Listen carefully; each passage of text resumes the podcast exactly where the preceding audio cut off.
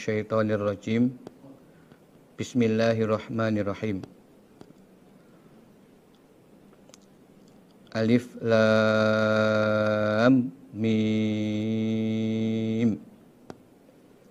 Ini adalah ayat mutasyabihat. Dalam surat Ali Imran ayat 7 Allah berfirman Huwallazi anzala alaikal kitab minhu ayatun muhkamat hunna umul kitab wa ukharu mutasyabihat. Jadi Allah menurunkan kitab Al-Qur'an kepada engkau Muhammad sebagian dari Al-Qur'an ada ayatun muhkamat ayat-ayat hukum. Huna umul kitab itulah pokok dari kitab Al-Quran. Wa ukhoru mutasyabihat. Sedangkan bagian lain dari Al-Quran adalah ayat-ayat mutasyabihat. Yaitu ayat-ayat yang di dalamnya tidak mengandung kepastian hukum ada hal-hal yang tidak jelas, tidak bisa ditentukan secara pasti.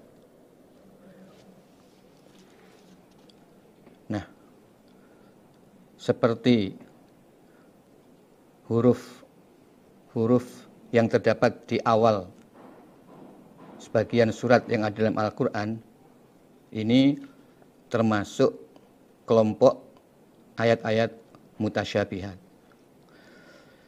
Di dalam surat Ali Imran berikutnya dijelaskan la ya'lamu ta'wilahu illallah wa ma ya'lamu ta'wilahu illallah.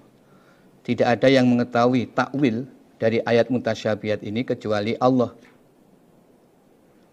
Jadi apa makna dari huruf alif lam, dan mim, ini tidak ada yang mengetahui kecuali Allah. Maka kita sebagai orang yang beriman juga tidak perlu berusaha untuk mencari tahu apa maknanya. Cukup kita menyatakan bahwa kita iman terhadap ayat-ayat ini. Sebagaimana Allah firmankan warrasikhuna fil ilmi yaquluna amanna bih kullum min indi rabbina. Orang-orang yang pandai di dalam ilmu, mereka akan mengatakan, aman nabi, kami iman terhadap ayat-ayat mutasyabihat. Karena kullun min indi rabbina. Semua itu dari sisi Tuhan kami. Zalikal kitabu. Ini kitab. Adapun ini kitab, yaitu Al-Quran. La roibafih. Tidak ada keraguan-raguan di dalam kitab. Hudan sebagai petunjuk lil muttaqin bagi orang-orang yang bertakwa. Zalikal kitab ay hadzal kitab. Ini kitab Al-Qur'an la raiba tidak ada keraguan-raguan di dalamnya. Maksudnya pertama tidak diragukan bahwa Al-Quran turun dari sisi Allah. Sebagaimana Allah firmankan dalam surat As-Sajdah ayat 2. Tanzilul kitab bila raiba fih mir rabbil alamin. Turunnya kitab ini tidak ada keraguan-raguan di dalamnya dari Allah Tuhan penguasa seluruh alam semesta. Maksud yang kedua adalah bahwa isi kitab Al-Quran itu juga tidak diragukan kebenarannya. Sesuai dengan firman Allah dalam surat Al-An'am ayat 67. Likulli naba'in mustaqor wa saufa ta'lamun. Terhadap setiap cerita yang diterangkan dalam Al-Quran akan ada bukti kejadiannya dan kalian akan mengetahuinya. Maksudnya semua yang diterangkan dalam Al-Qur'an termasuk ayat-ayat yang mutasyabihat termasuk hal-hal yang gaib semua itu benar adanya. Hudan lil mutakin Al-Qur'an ini sebagai petunjuk bagi orang-orang yang bertakwa. Yang dimaksud petunjuk ini ada dua. Yang pertama adalah petunjuk berupa keimanan atau hidayah yang berupa taufik. Ini semata-mata atas pertolongan dan izin Allah. Al-Quran sebagai taufik atau hidayah berupa keimanan. Ini khusus lil muttaqin bagi orang-orang yang bertakwa kepada Allah atau orang-orang yang beriman. Hal ini sesuai dengan firman Allah dalam surat Yunus ayat 57. Ya ayyuhan nas qad ja'atkum mau'izatun mir rabbikum wa syifaa'un lima fis sudur wa hudau wa rahmatul lil mu'minin. Wahai manusia, telah datang pada kalian nasihat dari Tuhan kalian. Sekaligus sebagai obat penyakit yang ada di dalam hati. Nah, penyakit hati di sini adalah penyakit syak wanifak, yaitu keraguan-raguan dan kemunafikan, serta sifat-sifat jelek yang terdapat di dalam hati, yang bersumber dari kemunafikan itu. Wahudan warohmatun lil mukminin. Nasihat dan obat penyakit hati itu maksudnya adalah Al-Quran. Al-Quran telah datang kepada umat manusia. Isinya berupa nasihat dari Allah yang bisa menjadi obat bagi penyakit keraguan-raguan dan kemunafikan serta sifat-sifat tercela yang ada di dalam hati. Kalau manusia mau mengindahkan, memperhatikan nasihat dari Allah tersebut, ya. Artinya akan menumbuhkan keimanan di dalam hati. Setelah penyakit-penyakit yang ada di dalam hati itu hilang. Dan kemudian akan menjadi rahmat. Ini hanya akan dinikmati khusus lil mukminin yaitu bagi orang-orang yang beriman.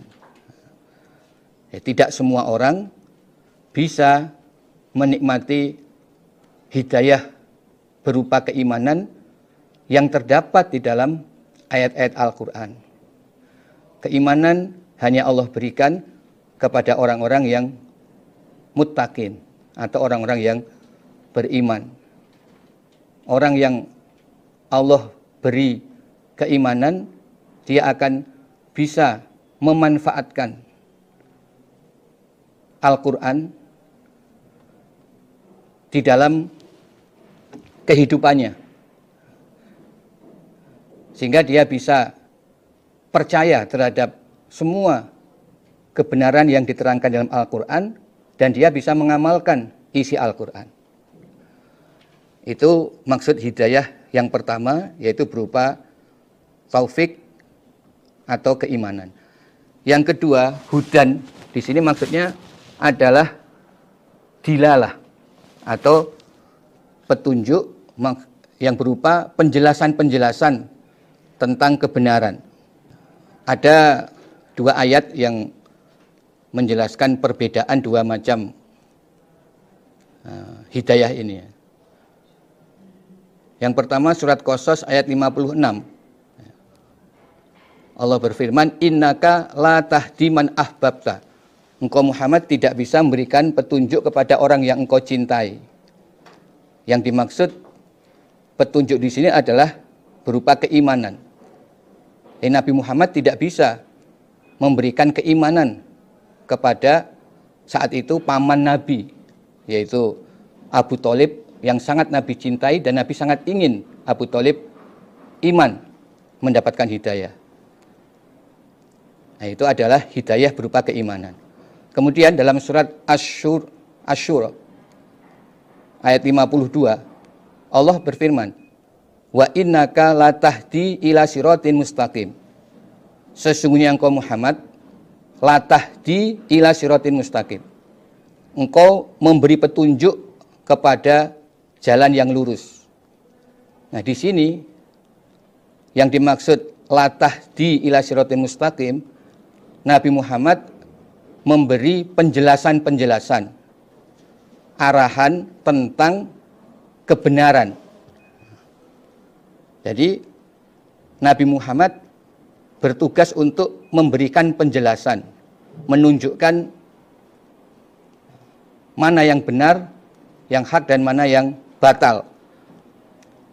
Tetapi yang memberi keimanan adalah Allah. Nah, inilah dua bentuk hidayah. Nah, Al-Quran, isi Al-Quran adalah pedoman berisi peraturan-peraturan syariat dari Allah untuk membedakan antara yang hak dan yang batal.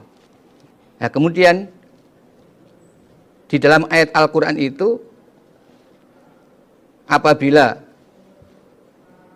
orang yang mendengar ayat-ayat tersebut, mengaji ayat-ayat tersebut, mempelajari ayat-ayat tersebut, di dalam hatinya Allah beri taufik, ya, pertolongan berupa iman, dia mempercayai kebenaran Al-Quran sebagai wahyu yang Allah turunkan, maka dia akan bisa mengamalkan apa yang menjadi pedoman atau petunjuk yang Allah berikan bagi umat manusia di dalam Al-Quran.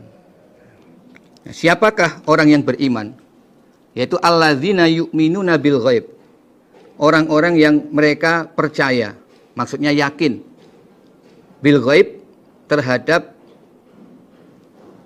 barang gaib. Hal-hal yang gaib.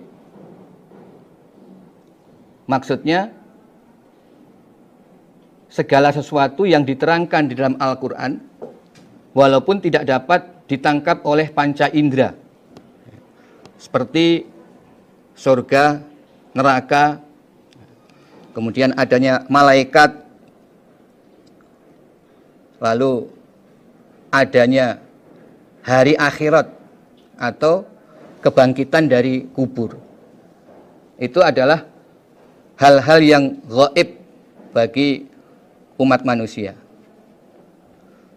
Nah, orang-orang yang takwa kepada Allah, mereka ini beriman terhadap segala sesuatu yang masih gaib. Mereka yakin adanya surga neraka. Mereka yakin adanya kebangkitan dari kubur. Wa yuqimuna dan menegakkan mereka as-salata pada salat. Wa mimma razaqnahum dan dari apa-apa yang telah memberi rezeki kami Allah pada mereka yunfiquna menginfakkan mereka. Orang-orang yang beriman juga mengerjakan kewajiban sholat. Nah, sholat ini merupakan kewajiban pokok dalam agama Islam.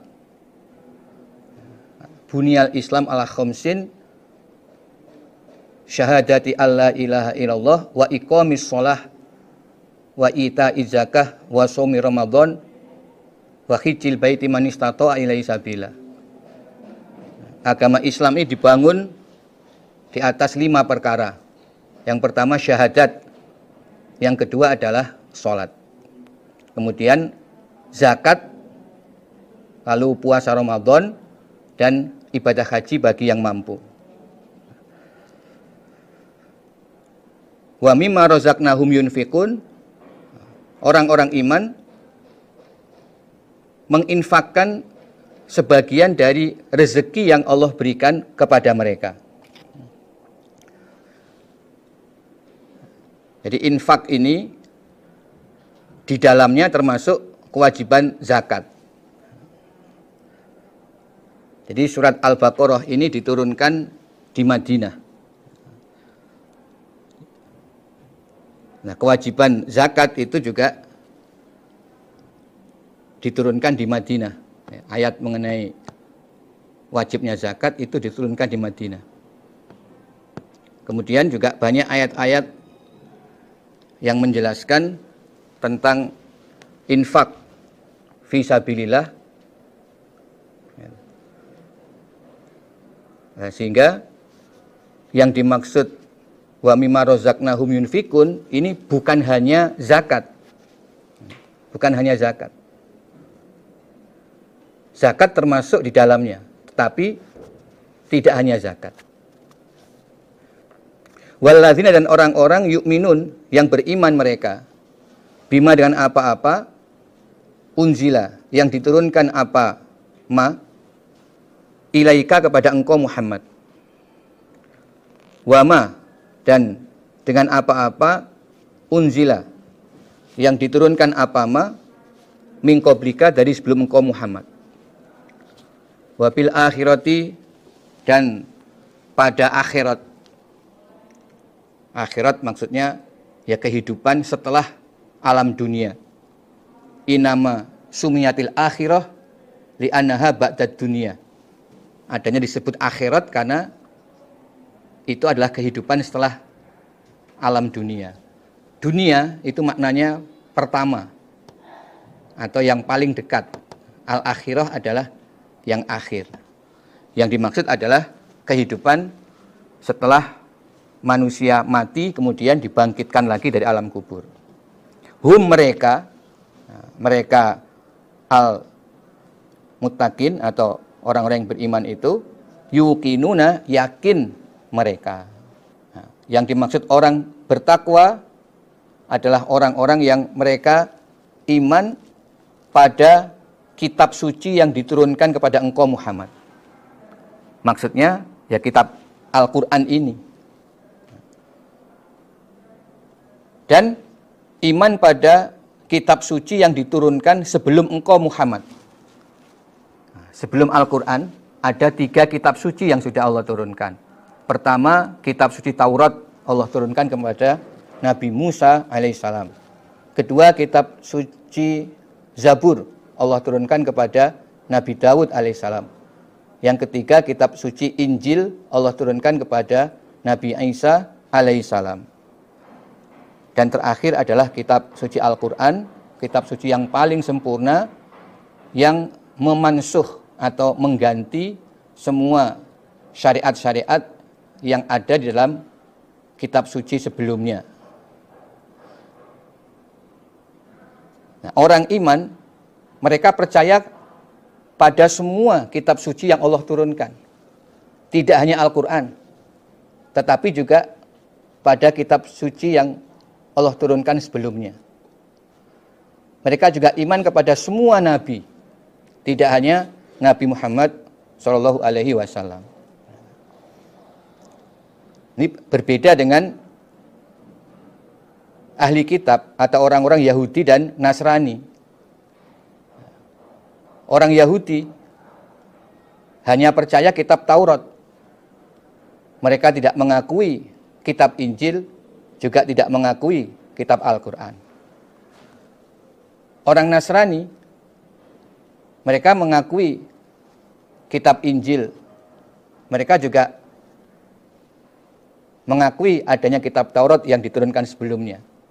Tetapi mereka tidak mengakui kitab suci Al-Quran yang diturunkan kepada Nabi Muhammad SAW.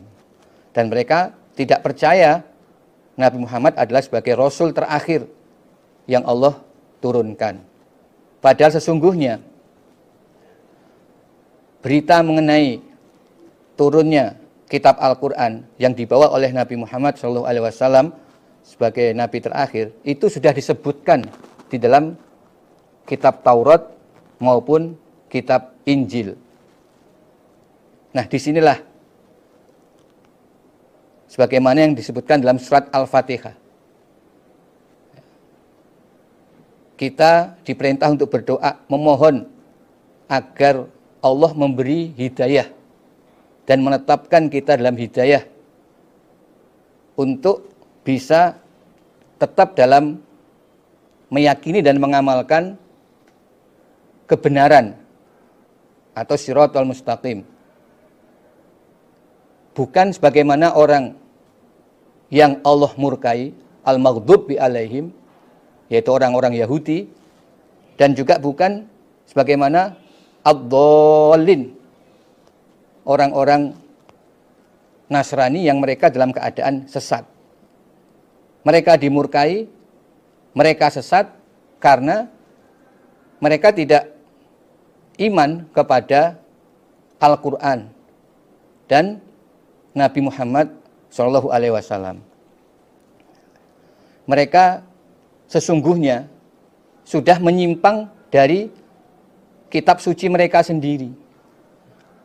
Jadi sebenarnya Yahudi dan Nasrani itu walaupun mereka mengaku pengamal kitab Taurat dan Injil, namun sesungguhnya mereka sudah tidak iman pada kitab Taurat dan Injil yang asli.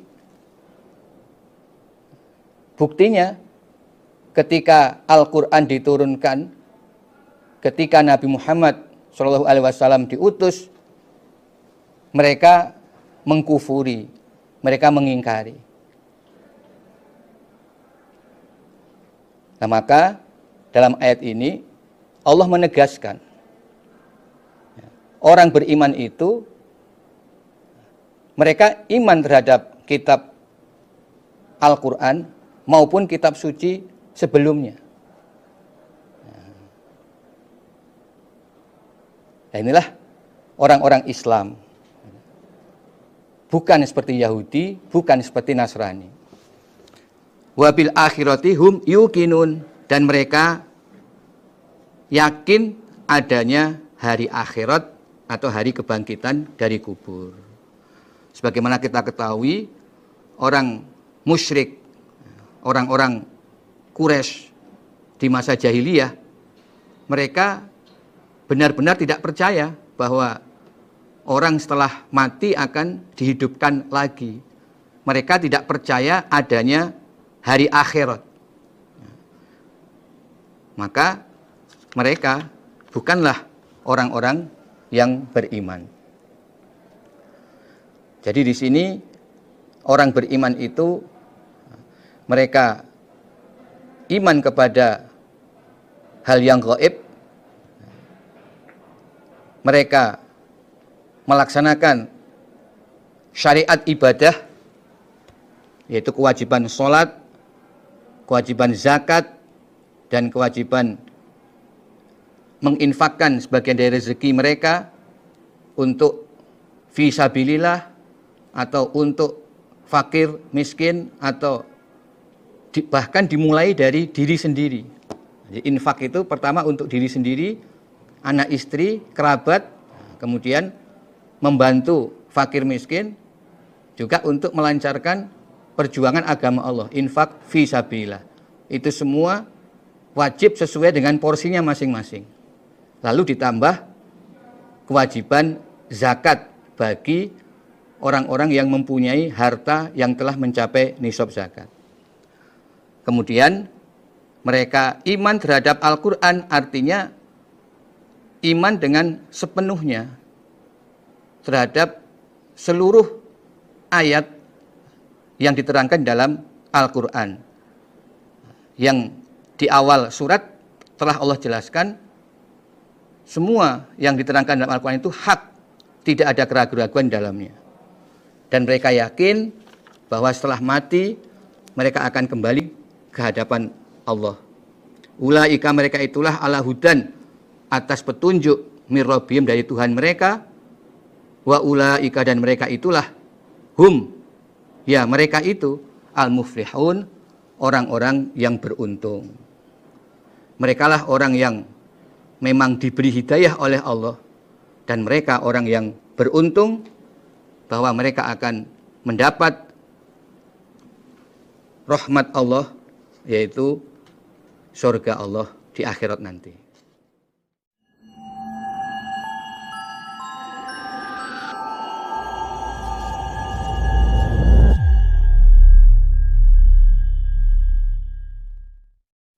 Innalladzina kafaru sesungguhnya orang-orang yang kafir mereka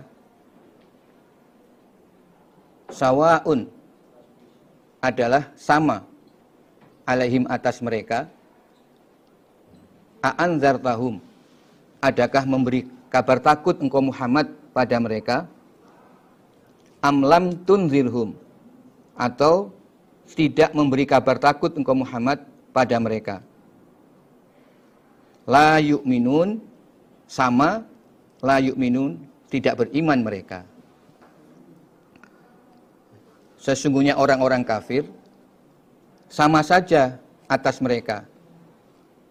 Apakah engkau menakut-nakuti kepada mereka atau tidak menakut-nakuti kepada mereka? Mereka tetap tidak beriman.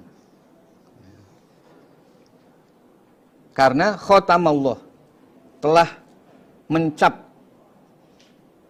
siapa Allah? Ala kulubihim atas hati mereka. Wa ala sam'ihim dan atas pendengaran mereka. Wa ala absarihim dan atas pandangan mereka atau penglihatan mereka atas penglihatan mereka Hisyawatun ada tutup. Walahum dan bagi mereka azabun azim siksaan yang besar. Mereka tidak bisa beriman karena Allah telah menutup hati mereka. Nah, inilah keadaan orang kalau Allah tidak memberikan taufik atau pertolongan berupa hidayah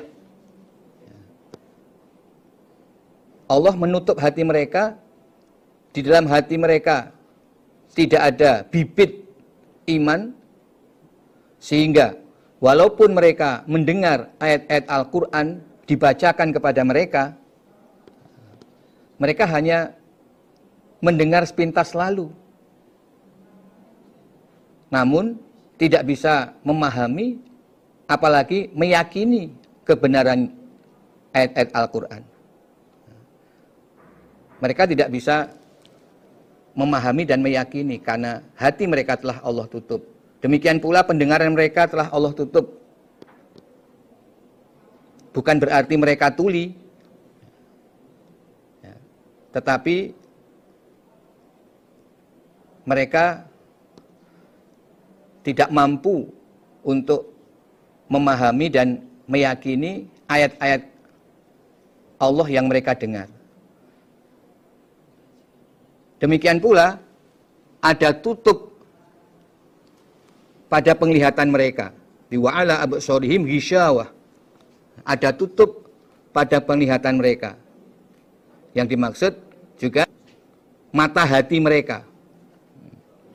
Jadi ini bukan berarti mereka itu buta. La ta'mal absor walakin ta'mal qulubul lati fis sudur. Bukan berarti mata mereka buta, tetapi yang buta adalah hati. Itu diterangkan dalam surat Al-Hajj ayat 46.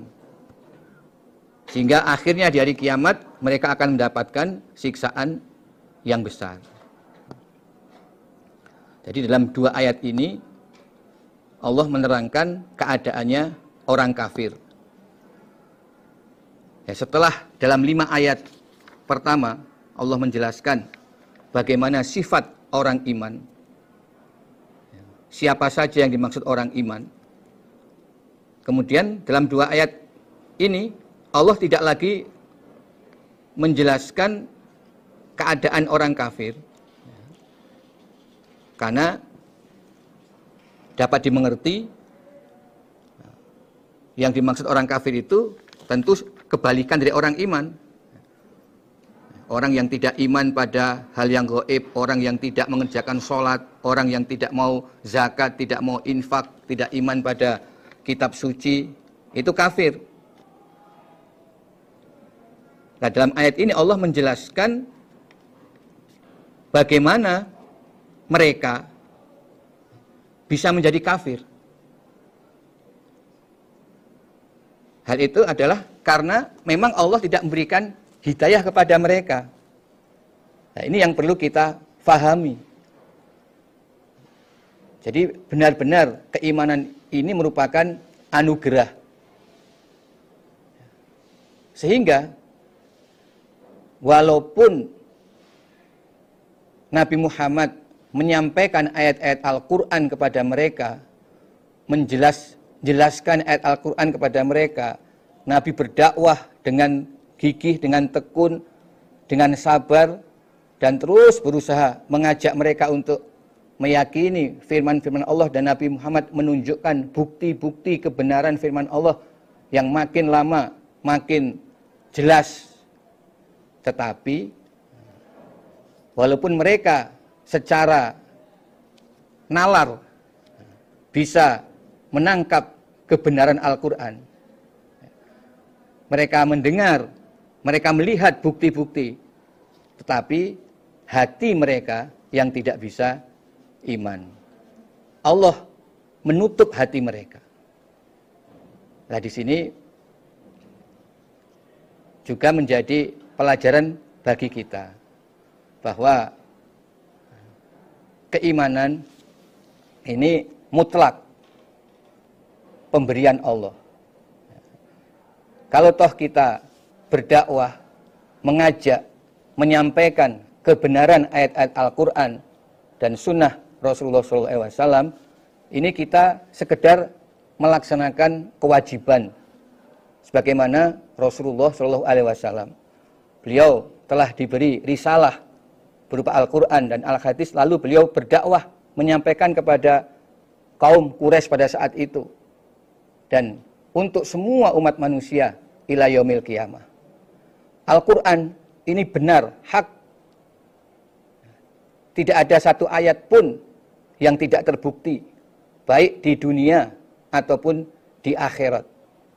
Semua hal sudah diterangkan di dalam Al-Qur'an. Dan semua itu benar. Tetapi faktanya banyak orang yang mengakui kebenaran Al-Quran, tapi mereka tidak bisa iman. Karena memang Allah telah menutup hati mereka. Itulah keadaan orang kafir. Wa minan nas dan sebagian dari manusia man ada orang. Yakulu yang berkata siapa orang? Amanna kami iman. Bila kepada Allah wa bil yaumil akhir dan pada hari akhir. Padahal wa mahum tidak ada mereka bimukminin orang-orang yang beriman.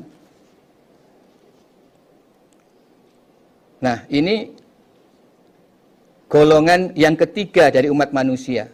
Ya. Setelah ada golongan orang yang beriman, lalu ada golongan orang kafir. Nah, sebagian dari manusia ini ada orang yang ucapannya mengatakan aman nabilah wa bil akhir. Kami iman kepada Allah dan iman kepada hari akhir. Ini secara lisan. Padahal dalam hatinya wa mahum bimukminin. Sebenarnya hati mereka tidak beriman. Inilah golongan orang-orang munafik yang mereka hanya menampakkan iman secara lahiriah dalam ucapan untuk menutupi kekafiran yang ada di dalam hati mereka. Tujuannya apa? Untuk mencari keselamatan agar mereka juga mendapatkan hak sebagaimana orang-orang Islam. Jadi ayat ini turunnya di Madinah dan mulai di Madinah muncullah golongan yang ketiga ini yaitu golongan orang-orang munafik yang ada di dalam kalangan umat Islam. Berarti ini dari kalangan orang-orang Ansor, yaitu penduduk asli Ansor dari bang, suku bangsa Aus dan Khosroj. Tokohnya adalah Abdullah bin Ubay bin Salul. Dia masuk Islam pada saat umat Islam menang dalam perang Badar. Jadi pada waktu Nabi hijrah ke Madinah dan mengembangkan Islam di Madinah, dia ini adalah tokoh yang awalnya akan dijadikan sebagai pemimpin kota Madinah. Tetapi ketika Nabi Muhammad hijrah ke Madinah, dia tidak jadi diangkat sebagai pemimpin Madinah. Awalnya dia tidak mau masuk Islam, bahkan dia sangat benci dan marah tetapi setelah mengetahui Nabi dan umat Islam menang dalam perang Badar melawan bangsa Quraisy dengan jumlah yang hanya sepertiga dari pasukan Quraisy. Jadi umat Islam hanya 313 melawan 1000 orang pasukan Quraisy, tapi mereka menang. Abdullah bin Ubay melihat ada tanda-tanda kejayaan umat Islam. Nah, dia takut lalu dia ingin mencari selamat, lalu dia membawa kaumnya untuk masuk Islam. Dia mengucapkan syahadat, dia menyatakan sebagai orang Islam.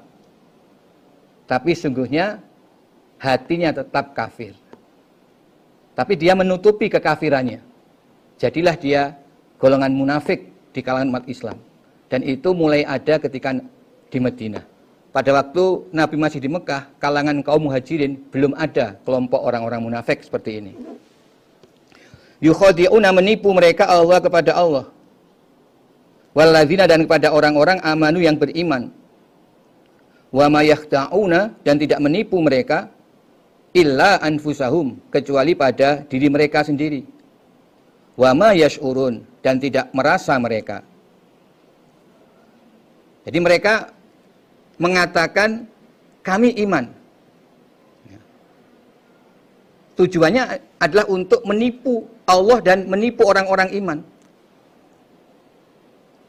Padahal dengan mereka menjadi orang munafik hanya mengucapkan iman secara lahiriah dalam lisan tetapi hatinya kafir tetap kafir Sesungguhnya mereka itu menipu diri mereka sendiri dalam keadaan mereka tidak merasa. Maksudnya yang akan menanggung akibat dari kemunafikan mereka itu adalah diri mereka sendiri. Di saat nanti di akhirat orang-orang iman Allah selamatkan dari siksaan neraka karena mereka iman lahir batin. Nah, orang-orang munafik walaupun di dunia mereka terselamatkan, dianggap sebagai orang iman, orang Islam. Perasaan mereka bisa menipu Allah, bisa menipu pada orang iman yang lain. Sampai mati mereka tetap berada di kalangan orang-orang Islam. Tidak disangka kalau sungguhnya mereka ini kafir, Nah itulah orang munafik. Tapi nanti di akhirat ya, Allah tidak menyelamatkan mereka dari siksaan neraka. Bahkan ketika di alam kiamat, di saat Allah memberikan cahaya kepada orang-orang yang beriman, saat itu mereka tidak mendapatkan cahaya tersebut. Dari kiamat akan ketahuan bahwa sesungguhnya batin mereka dulu ketika di dunia itu kafir. Nah, maka dikatakan di sini Sesungguhnya mereka itu menipu diri mereka sendiri. Mereka tidak merasa. perasaan mereka sudah sukses. Bisa mengelabui nabi dan orang-orang iman. Mereka menganggap juga bisa menipu Allah. Nah, tentu tidak bisa. Mungkin nabi dan orang-orang iman ketika di dunia tidak mengetahui kemunafikan mereka. Bisa dikatakan mereka berhasil menipu, tapi itu hanya di dunia. Nah, Allah yang jelas tidak bisa mereka tipu.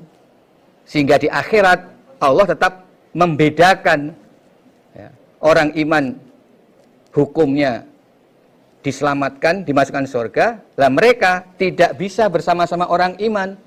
Ya. Allah mengetahui isi hati mereka. Ya. Ketika di hari kiamat saja sudah terpisahkan, mereka tidak mendapatkan cahaya. Saat itulah baru mereka merasa bahwa sesungguhnya mereka itu menipu diri mereka sendiri. Di dunia mereka tidak merasa bahwa mereka itu menipu diri mereka. Fi kulubihim di dalam hati mereka marot ada penyakit yaitu berupa syakun wanifak penyakit keraguan-raguan dan penyakit kemunafikan. Jadi sifat munafik ini ya sifat yang menipu.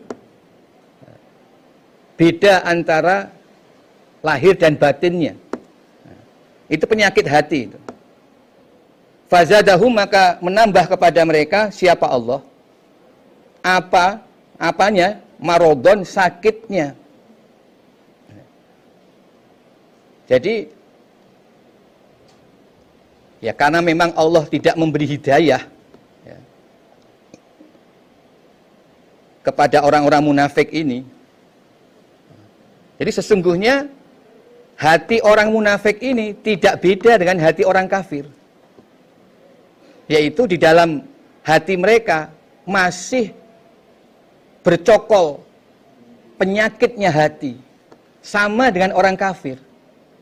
Mereka selalu ragu. Padahal mereka sudah berada di kalangan orang-orang Islam. Mereka menyaksikan dari dekat bagaimana Rasulullah Shallallahu Alaihi Wasallam, bagaimana para sahabat, bagaimana ketika ayat-ayat Al-Quran diturunkan, mereka tahu persis praktek Nabi dan para sahabat, tetapi karena hati mereka itu masih sakit, apa yang mereka saksikan, apa yang mereka dengar, tidak bisa menumbuhkan iman dan keyakinan dalam hati mereka. Bahkan mereka terus dalam kebimbangan dan keraguan. Apakah benar apa yang dibawa oleh Nabi Muhammad Shallallahu Alaihi Wasallam? Apakah Al-Quran, Al-Hadis ini benar? Hati mereka tidak pernah yakin dan mereka selalu dalam keraguan. Nah, kemudian fazadahumullahu marodo. Allah justru semakin menambah keraguan-raguan mereka itu. Jadi gambarannya ya, seperti orang punya penyakit, katakan bisul. Nah, dia sudah bisulen. Lalu ada orang lain nyenggol bisulnya. Tambah sakit. Ya begitulah keadaan orang munafik. Hatinya sudah ragu-ragu, tidak bisa yakin. Allah nggak membuka hatinya, Allah nggak beri daya. Nah, di dalam kalangan orang Islam justru tambah keraguan-raguannya. Dia akan menjumpai hal-hal yang justru menambah ragu-ragu terhadap kebenaran Islam, kebenaran Al-Quran dan Sunnah Rasulullah Shallallahu Alaihi Wasallam. Jadi Allah justru memberikan ya fitnah, ada kodar-kodar, kejadian-kejadian yang justru membuat mereka semakin ragu. Itulah keadaan yang Allah berikan kepada mereka ketika di dunia. Karena hati mereka sesungguhnya sakit. Hati mereka itu masih ragu, sama dengan orang kafir. Hanya lisannya saja, hanya tampak lahirnya saja.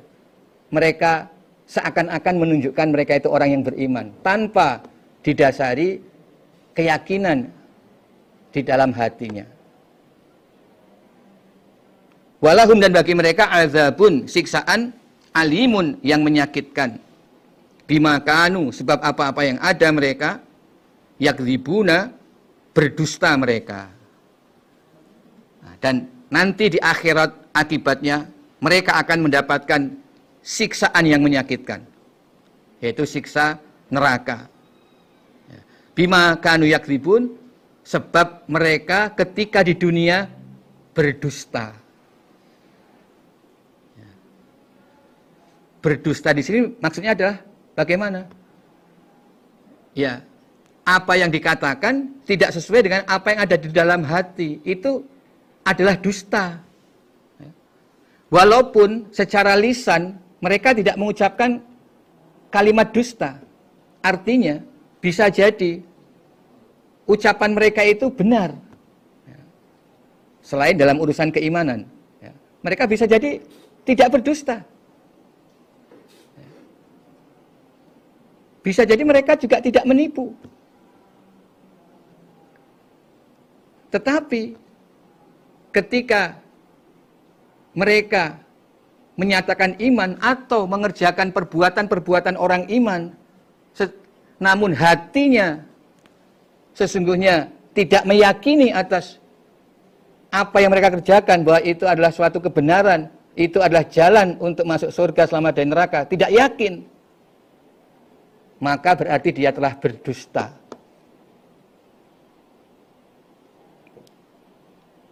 Itulah dusta yang sebenarnya. Jadi dusta di sini ya, ketidakcocokan antara lahir dan batin itu adalah dusta. Dan itulah keadaan orang munafik. Akibatnya mereka akan mendapatkan siksaan nanti di akhirat. Akan dipisahkan dari orang-orang yang beriman. Wa idza dan ketika dikatakan lahum bagi mereka orang-orang munafik la tufsidu jangan berbuat kerusakan kalian fil out di bumi qalu maka menjawab mereka innama nahnu muslihun. Innama nahnu sesungguhnya kami muslihun. Orang-orang yang berbuat baik.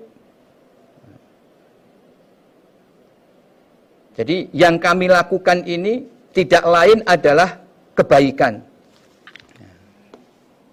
Itu innama nahnu muslihun.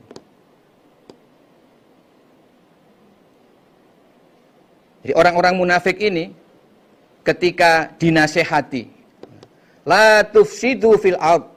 Janganlah kalian berbuat kerusakan di bumi ini. Yang dimaksud berbuat kerusakan adalah melanggar peraturan-peraturan Allah atau berbuat maksiat. Karena kemaksiatan itu penyebab terjadinya kerusakan di bumi. Ketika mereka dinasihati, janganlah kalian maksiat. Janganlah kalian melanggar. Janganlah kalian lepas dari ketaatan terhadap Rasul. Nah, mereka menjawab, Inama nahnu muslihun. Nah, jawaban mereka ini adalah ketika mereka diketahui ya, diketahui dekat-dekat dengan pelanggaran itu. Ya kalau di zaman Nabi dulu di antara yang dimaksud berbuat kerusakan di sini adalah berasi-asian dengan orang-orang kafir. Di antara ifsad fil ard. Karena ada orang Yahudi yang sudah menyatakan masuk Islam, tapi sungguhnya nah, mereka masih berhati Yahudi. Sehingga dalam banyak kesempatan mereka berkumpul-kumpul sesama orang Yahudi, bahkan secara diam-diam merencanakan makar atau menunjukkan kebencian kepada Nabi Muhammad dan umat Islam. Itu yang terjadi. Atau mereka berkumpul dengan sekutu-sekutu mereka di masa sebelum Islam. Nah, nah ketika mereka diingatkan, kamu kan orang iman, ya, harus menjaga pergaulan, jangan banyak kumpul-kumpul dengan orang-orang yang membenci, bahkan merintangi orang-orang Islam. Nah, mereka saat itu beralasan, innama nahnu muslihun. Kami hanya untuk memperbaiki pergaulan saja atau kami hanya budi luhur menjaga kami tidak lahir batin di sana kami tetap iman hati kami Islam itulah jawaban mereka Allah ingatlah inahum sesungguhnya mereka hum mereka ya mereka itu al mufsidun orang-orang yang berbuat kerusakan Nah, di sini disebutkan innama innahum hum al mufsidun. Ya kalau dalam bahasa kita sesungguhnya mereka hum ya mereka itu. Nah, ini penegasan. Ya, bukan yang lain. Hum ya mereka itu al mufsidun orang-orang yang berbuat kerusakan. Walakin tetapi la yash'urun tidak merasa mereka. Ya. Jadi mereka perasaannya untuk berbuat baik dalam pergaulan. Mereka mengatakan begitu. Dan mungkin hati mereka juga sama sekali tidak merasa bersalah. Dalam masalah itu. Mereka anggap wajar kok. Bahkan tidak benar kalau kita mengucilkan mereka. Itu dalam pikiran mereka. Tetapi sesungguhnya ya, kalau hati mereka itu adalah hati yang ragu-ragu dan hati yang munafik terhadap kebenaran, dengan perbuatan mereka itu sebenarnya mereka telah berbuat kerusakan.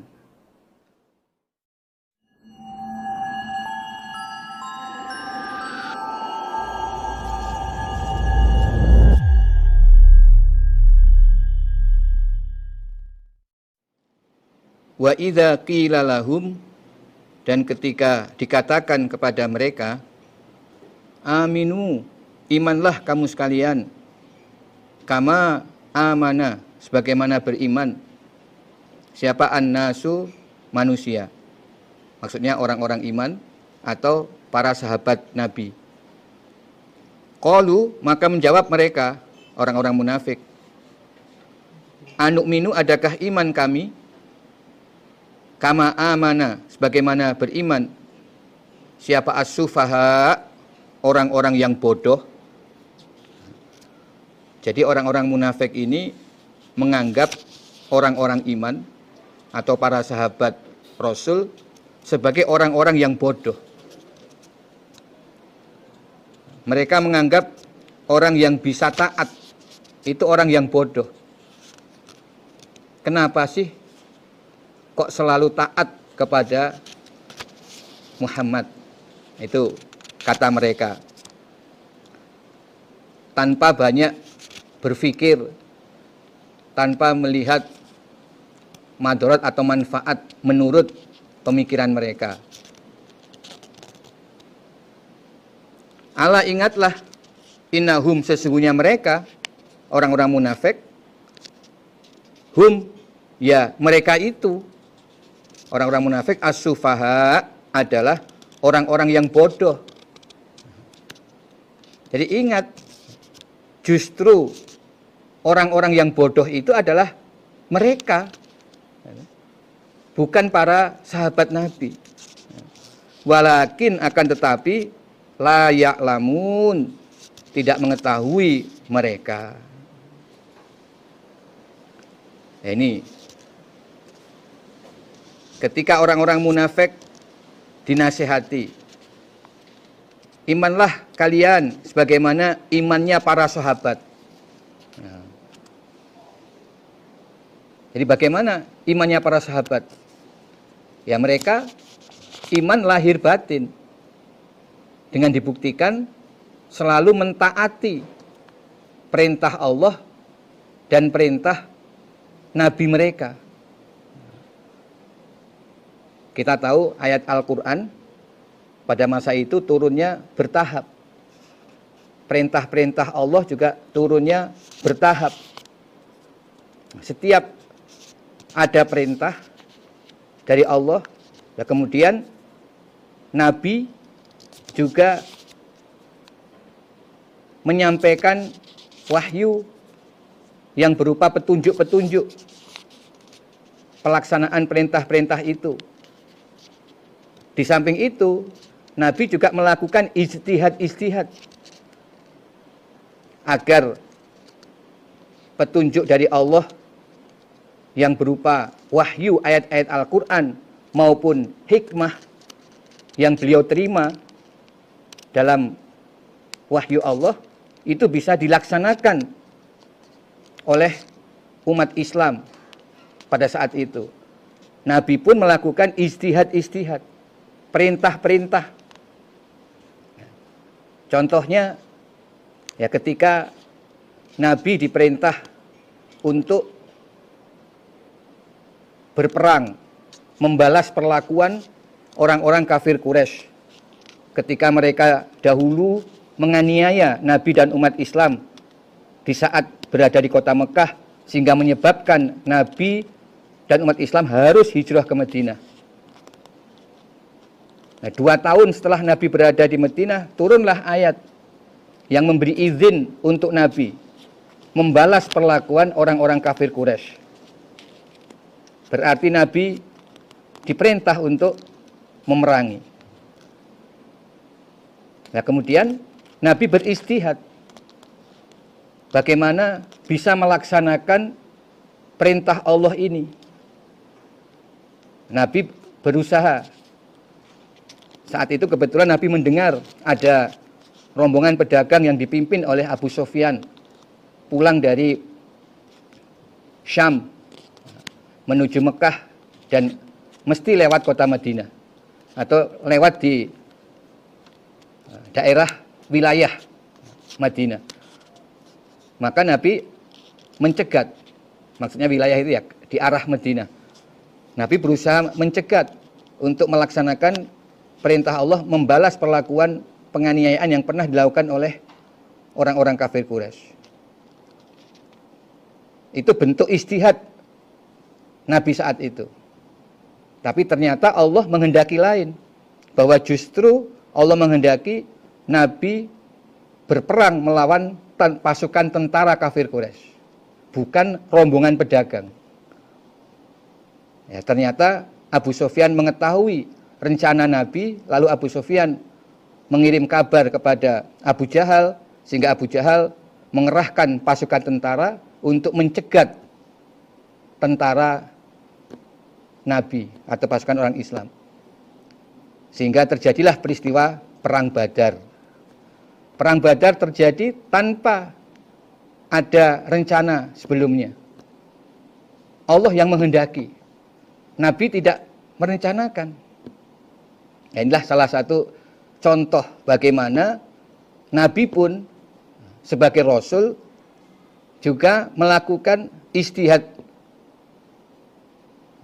Bisa dikatakan sebagai imam dari para sahabat saat itu untuk melaksanakan perintah-perintah Allah yang terdapat dalam ayat-ayat Al-Quran maupun hikmah yang Nabi terima sebagai wahyu.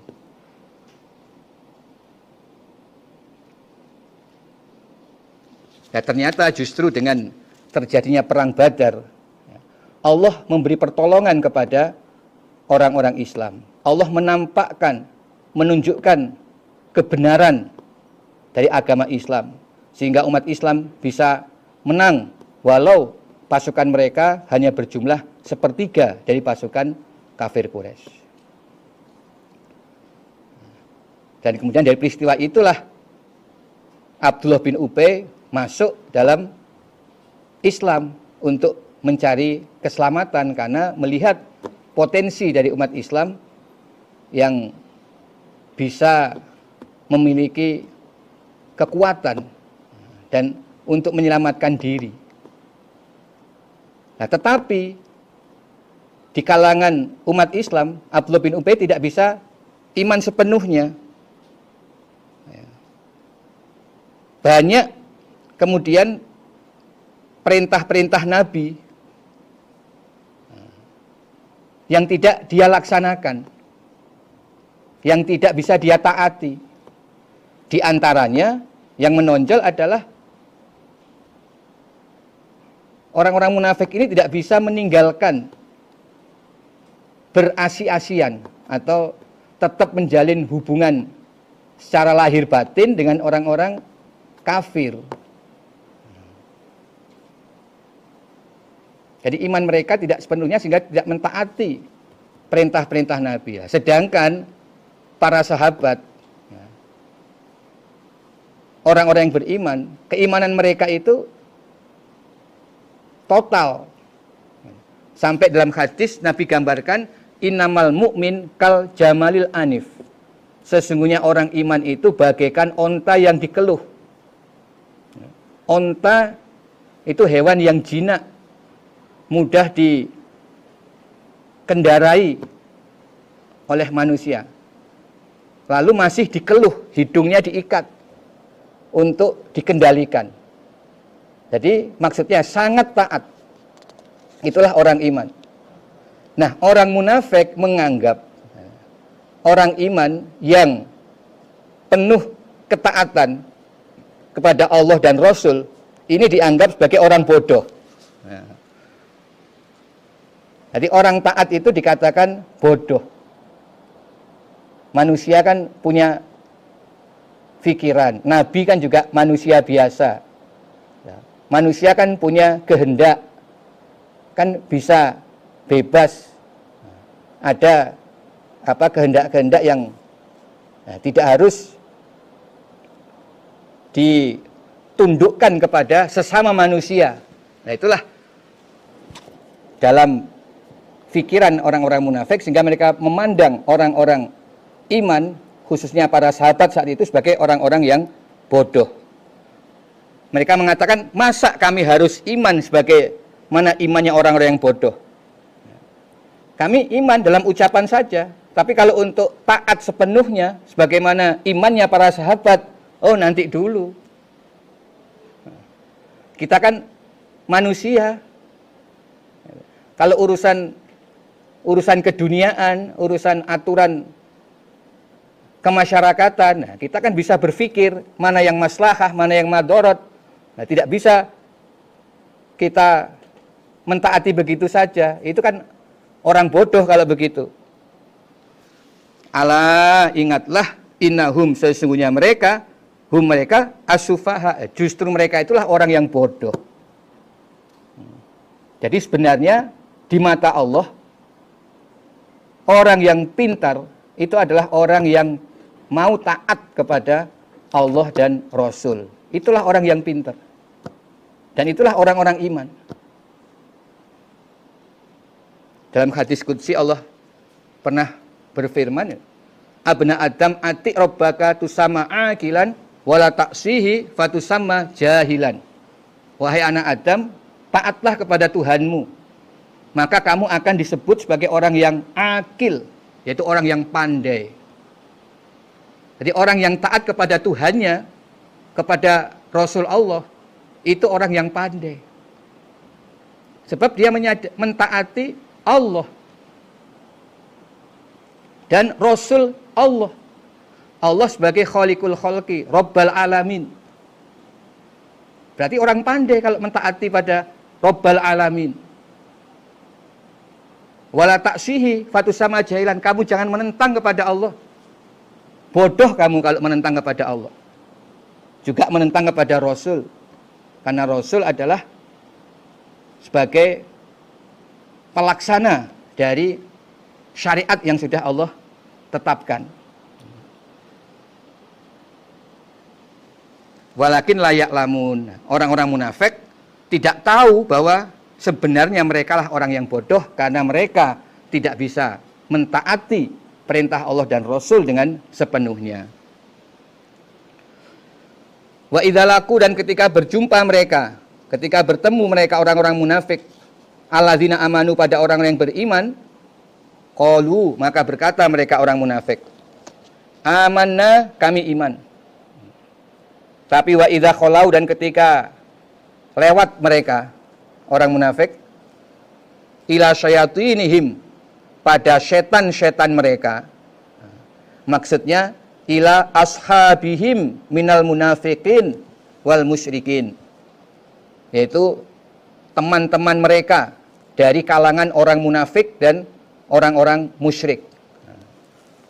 Jadi Allah menyebut teman-teman mereka dari kalangan munafik dan musyrik itu sebagai setan-setan mereka.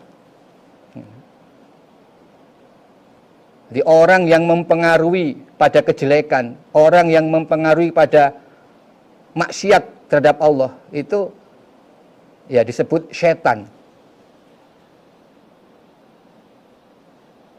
Padahal itu teman mereka. Qalu berkata mereka orang munafik, "Inna ma'akum." Sesungguhnya kami beserta kalian, kalian setan-setan itu. Inna nahnu, sesungguhnya kami mustahziun, orang-orang yang menghina. Menghina kepada orang-orang yang beriman. Nah, ini.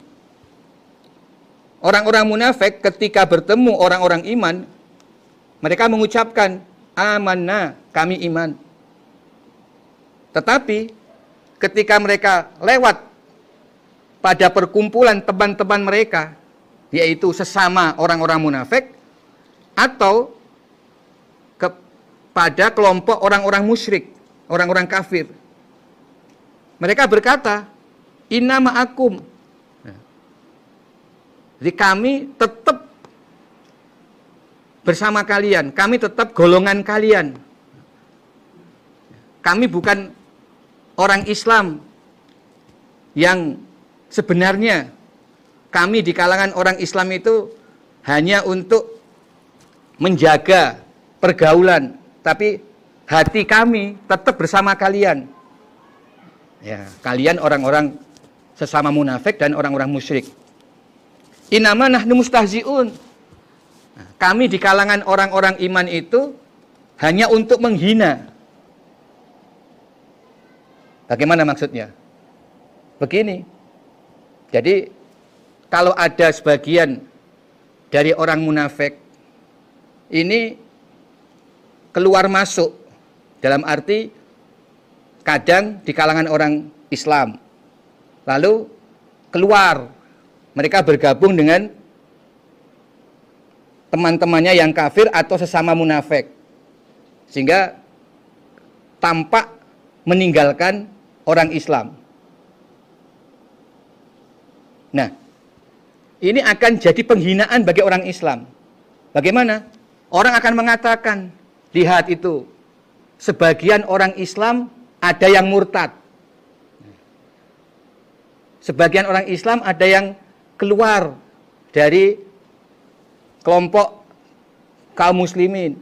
Mereka kembali kepada kalangan kaum musyrikin atau kepada orang-orang munafik yang sudah dikenal keluar dari kelompok orang-orang Islam.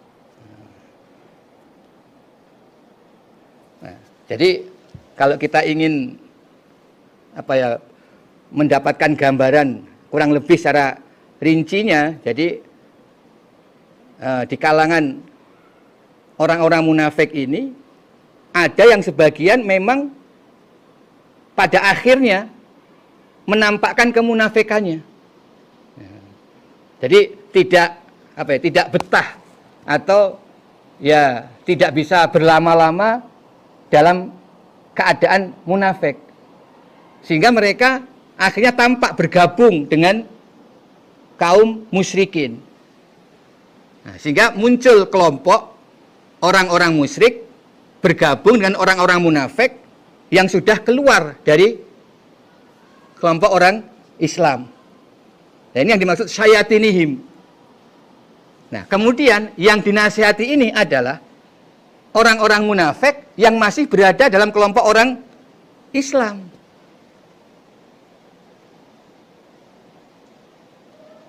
Mereka ini orang munafik tapi masih ada di kalangan orang Islam. Sementara sebagian orang munafik ada yang sudah keluar, mereka bergabung dengan orang-orang musyrik.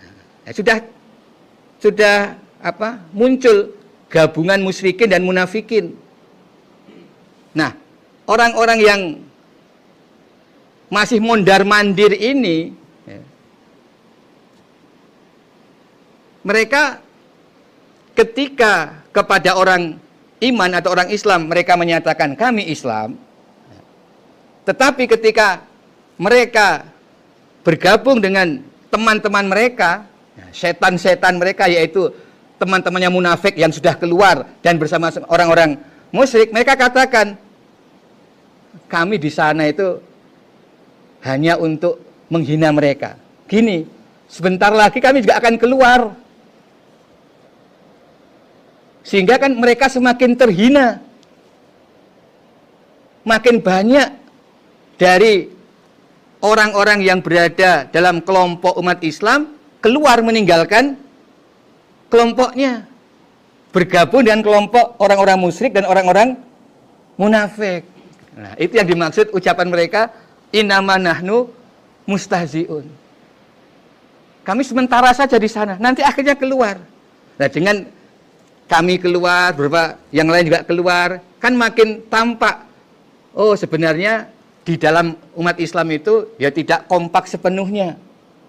Ada yang keluar. Padahal sebenarnya yang keluar itu memang aslinya bukan orang iman. Yang keluar itu memang orang-orang yang hatinya sama dengan orang musyrik dan orang munafik yang sudah keluar. Hati mereka itu sama. Hanya sebagian masih ada di kalangan orang-orang yang yang beriman. Nah, demikianlah gambaran yang dimaksud dalam ayat ini. Sehingga orang-orang munafik yang masih di kalangan orang iman ini, inilah yang disebutkan dari awal. Mereka itu menipu sesungguhnya. Ya. Karena uh, mereka tidak di luar. Kenapa? Karena mereka memang berhasil menutupi diri di kalangan orang-orang Islam. Sehingga tidak tampak bahwa mereka itu sebenarnya orang munafik. Nah, di sini. Jadi mereka betul-betul menutup sehingga tidak tampak kalau mereka itu menipu. Dan mereka tidak merasa menipu. Secara lahiriah tidak ada tanda-tanda menipunya mereka bisa menutup. Tetapi dengan hati mereka yang ketika ber, masih ada di kelompok orang Islam tidak bisa iman karena Allah menutup hati mereka, tidak bisa menerima kebenaran Al-Quran dan hadis Nabi di kalangan umat Islam. Nah, berarti sesungguhnya mereka itu menipu diri mereka sendiri. Hati mereka masih sakit. Dan Allah akan menambah sakitnya. Sehingga pada saatnya Ya terbukti. Akhirnya mereka kecewa juga. Akhirnya juga keluar. Bergabung dengan kelompok orang musyrik dan munafik-munafik yang sudah keluar lebih dahulu. Karena Allah menambah rasa sakit mereka. Nah, dalam prosesnya orang-orang seperti ini memang ketika mereka dinasihati, kamu jangan berbuat kerusakan, jangan melanggar supaya tetap taat mereka tidak bisa mentaati. Bahkan mereka menganggap orang yang taat itu sebagai orang yang bodoh. Lalu semakin tampak kemunafikannya ketika mereka sudah sering mondar mandir. Jadi akhirnya nggak betah juga, akhirnya mondar mandir. Nah ketika mondar mandir ini, ya, di kalangan orang Islam mereka mengatakan amanah, tapi ketika di kalangan orang kafir dan mus dan munafik mereka mengatakan kami akan menghina orang-orang Islam itu akan kami jatuhkan. Nanti kalau kami keluar kan mereka akan jatuh. Dan itulah yang yang terjadi. Akhirnya ya memang ada kelompok yang terus keluar keluar keluar tapi yang tetap di dalam umat Islam juga ada justru termasuk tokohnya yaitu Abdullah bin Ubay tetap bertahan dia di kalangan umat Islam. Dan dalam perjalanan sejarah selanjutnya, ya, dia selalu membuat kerusakan di kalangan umat Islam. Banyak peristiwa-peristiwa, terutama nanti pada waktu perang Uhud, mulai tampak itu kemunafikannya orang-orang munafik ini. Jadi ini keadaan setelah perang Badar, ketika mereka masuk dalam Islam, nah beginilah nah, tingkah polahnya orang-orang yang hatinya sebenarnya tidak iman. Allahu Allah yastazi'u akan menghina siapa Allah bihim pada mereka. Wa yamudhum dan akan memanjangkan siapa Allah pada mereka atau membiarkan siapa Allah pada mereka fitu yanihim di dalam kedurhakaan mereka. Yakmahun dalam keadaan bingung mereka. Yakmahuna fitu yanihim mereka mengatakan akan menghina pada orang-orang iman, menjatuhkan orang-orang iman dengan perilaku kemunafikan mereka yang mondar-mandir di antara kalangan orang iman dan orang-orang musyrik. Tetapi sebenarnya Allah lah yang menghinakan mereka. Allahu yas tahzi'ubihim. Maksudnya di sini adalah Allah akan menghinakan mereka nanti pada hari kiamat.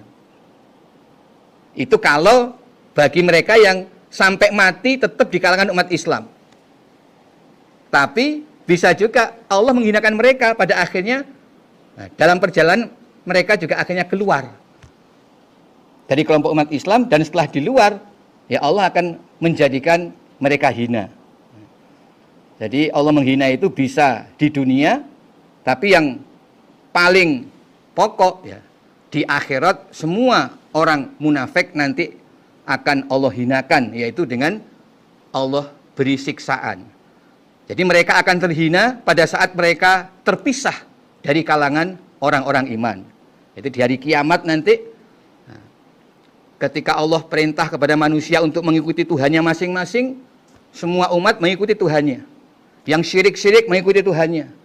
Tinggal umat yang menyembah kepada Allah termasuk di dalamnya orang-orang munafik karena mereka memang menyembah kepada Allah tidak syirik yang tidak syirik tapi walaupun tidak syirik kepada Allah mereka tidak iman nah, ini. jadi ada orang yang tidak syirik tapi tidak iman karena iman itu pada Allah pada kitab suci dan semua yang diterangkan dalam kitab suci nah ketika hanya iman sebagian dan kufur sebagian terhadap syariat Allah itu ya termasuk golongan orang kafir atau munafik ini.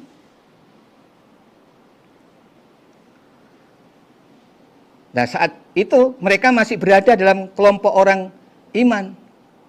Tetapi pada akhirnya Allah memisahkan.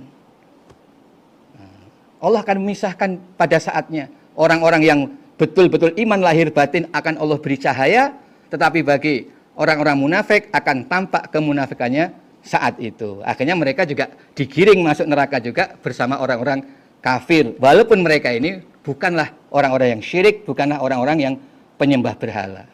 Jadi nanti di hari kiamat akan tampak penghinaan Allah pada mereka. Sementara di dunia Allah membiarkan mereka dalam kedurhakaan mereka dan dalam keadaan bingung. Jadi mereka tetap dalam kedurhakaan, tetap tidak bisa iman sepenuhnya, tidak bisa taat kepada Allah dan Rasul dan mengikuti, selalu mengikuti perintah-perintah Rasul mereka tidak bisa lakukan sebagaimana para sahabat Nabi sebagai orang-orang iman pada masa itu mereka tidak bisa mengikuti. Tapi mereka bingung karena mereka berada di kalangan umat Islam, mereka mendengar kebenaran-kebenaran itu. Mereka saksikan bukti-bukti kebenaran itu. Tapi hati mereka menolak. Sehingga mereka bingung. Dan Allah biarkan mereka terus dalam keadaan bingung. Bahkan sebagian ada yang sampai akhir hayatnya tetap dalam keadaan bingung. Tidak keluar. Sebagian keluar, tapi sebagian juga ada yang tetap di dalam kalangan Islam, tapi keadaan terus bingung. Terus ragu-ragu, tidak pernah iman karena memang Allah sudah menutup hati mereka, Allah tidak memberikan hidayah. ulaika mereka itulah alladzina orang-orang istarau yang menukarkan mereka ad pada kesesatan. Bil huda dengan petunjuk. Fama robihat maka tidak beruntung. Apa tijaratuhum dagangan mereka. Wa makanu dan tidak ada mereka. Muhtadin orang-orang yang mendapatkan petunjuk. Orang-orang munafik adalah orang-orang yang menukarkan kesesatan dengan hidayah. Maksudnya, mereka pada awalnya sempat mendapatkan hidayah. Tapi kemudian mereka tukarkan dengan kesesatan. Jadi mereka itu punya hidayah. Kemudian hidayah ini mereka lepas. Mereka tukar dengan kesesatan. Akhirnya ya mereka mendapatkan kesesatan itu. Sehingga Allah berfirman, "Fama robihat tijaratuhum." Berarti tukar menukar mereka ini tidaklah untung. Jadi tukar menukar hidayah dengan dolalah, punya hidayah ditukarkan dolalah, itu adalah perdagangan yang rugi atau tidak untung. Jadi semestinya ketika mereka sudah mendapatkan cahaya hidayah, lalu mereka bisa berada di kalangan orang-orang Islam, mereka berusaha agar hidayah yang sudah Allah berikan itu semakin lama semakin bertambah, semakin mantap, semakin yakin dengan cara selalu mengikuti perintah-perintah Allah dan perintah-perintah Rasul yang diberikan di kalangan umat-umat di kalangan umat Islam. Itulah cara untuk menambah hidayah. Nah, tetapi orang munafik tidak melakukan ini. Mereka hanya mendapat hidayah di awal, melihat ada titik-titik kejayaan di kalangan umat Islam. Lalu mereka berusaha masuk Islam dan sempat menerima kebenaran. Tapi kemudian nah, dengan perintah-perintah Allah serta Rasul berikutnya mereka tidak bersungguh-sungguh untuk mentaati. Akhirnya lama-kelamaan hidayah yang sudah Allah berikan itu Allah cabut jadi ini berlaku firman Allah falamma zagu azagallahu kulubahum. Ketika mereka sudah sedikit menyimpang, maka Allah semakin menyimpangkan hati mereka. Sehingga lama-lama hidayah itu hilang. Jadi awalnya mereka masuk Islam, tapi sesungguhnya penyakit hati mereka belum hilang sepenuhnya. Akhirnya dalam Islam ragu-ragu. Lalu terus